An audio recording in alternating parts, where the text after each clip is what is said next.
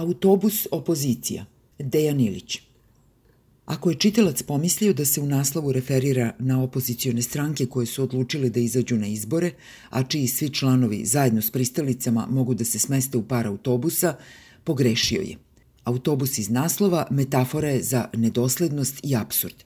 Hoće se reći da su nedosledne i absurdne sve one stranke koje su pre zaraze bile za bojkot, a posle zaraze rešile da izađu na izbore da objasnimo prvo autobus, pa onda i besmislenu odluku o izlasku na izbore. Ako su juče tokom dana i brinuli zbog idiotskih odluka o radu gradskog prevoza, žitelji Srbije uveče su mogli da odahnu. Nijedno proklamovano pravilo za gradski prevoz više ne važi. Krizni štab se sa pozicija instrukcija za ponašanje u prevozu povukao na pozicije predloga, a pod jakim naletom Vučića. Od jutro se znamo u gradski prevoz mogu da uđu svi u broju koje vozilo može fizički da podnese. Maske ništa, rukavice ništa, odstojanje ništa. A do sinoć važilo je. U autobus smeju da uđu samo zaposleni pod maskama i sa rukavicama. U vozilu će se sedeti u svakom drugom redu na po jednom sedištu. Razmak između putnika koji stoje mora biti 2 metra. Sve u svemu između 20 i 50 osoba po vozilu a uz to letnji, čitaj smanjen broj vozila. Eto prevoza pod COVID-19. Da bi se sprečilo krvoproliće na stanicama u pokušaju da se potencijalni putnici dočepaju mesta u autobusu, režim je dakle uveo selekciju putnika – Istina je da je mera diskriminaciona, ali ako se hoće poštovati zaraza, opravdana je.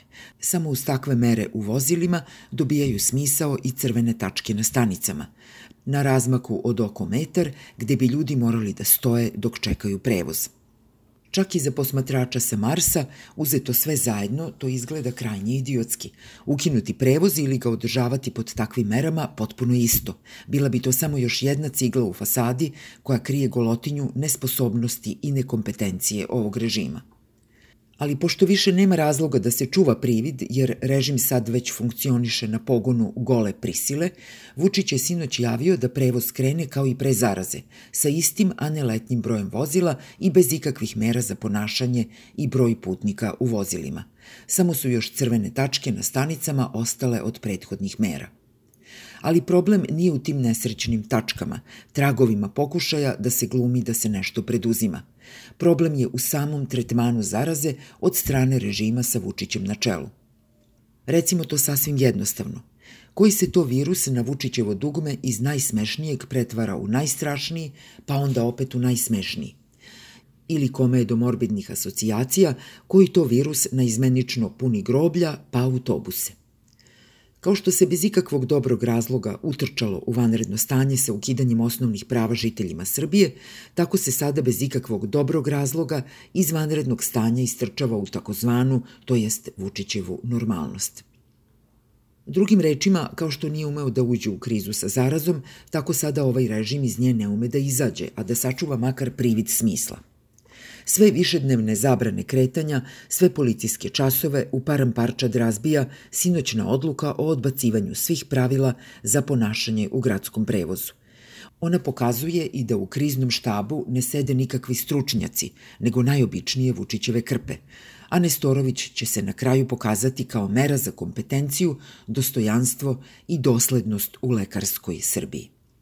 Nazdravlje nam Srbija sa Nestorovićem kao uzorom za struku – Nazdravlje nam i politika u Srbiji sa ovim opozicionim strankama koje sada hrle na izbore.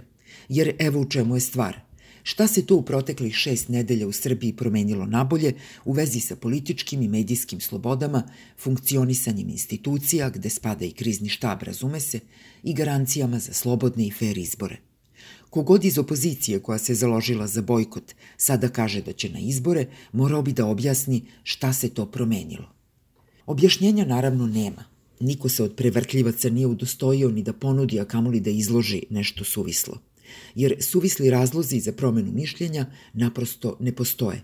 Svi dobri razlozi, dovoljni da se izbori bojkotuju, koji su važili pre zaraze, važe i danas. I to, ako je uopšte tako nešto moguće, više je struko jače. Niti su mediji u Srbiji oslobođeni tokom zaraze, naprotiv još su gori niti su institucije postale bolje, naprotiv nije ih bilo uopšte. Niti je opozicija nešto radila, e da bi sad bila sposobna da kontroliše izbore. Naprotiv, nije radila ništa. Što se poslednjeg argumenta tiče, to nije kritika na račun opozicije. Pod zabranama izvanrednog stanja, sa potpuno zarobljenim medijima i ugašenim institucijama, uključujući i pravosudne, opozicija nije ništa ni mogla da radi.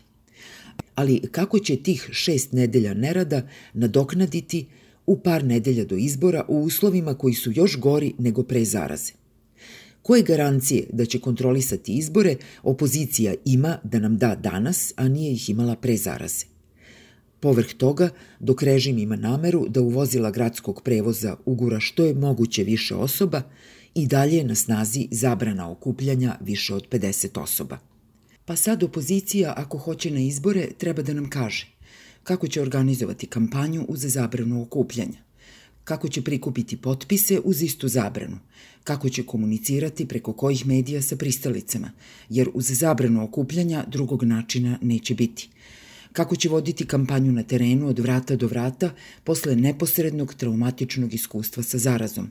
Kako će na kraju izvesti svoje birače na izbore, iako je na snazi zabrana okupljanja, a uz to nad svima i dalje visi pretnja zaraze. Verujem da nema dobrih odgovora na ova pitanja, pa nam opozicija koja bi sada na izbore šalje u stvari poruku da su za nju izbori isto što i za Vučića autobusi. Ako to može da se iskoristi za neki sitni čar, dobro je došlo – Povrh toga ispostavit će se da i sam COVID-19 za opoziciju isto što i za Vučića, ako može da se iskoristi za neki sitni čar. To je očajno loša poruka. To je isto kao da ljudima kažete da je za Vučićev pad dovoljno da po svojim terasama lupaju šerpe. Nema te buke koja je srušila diktaturu.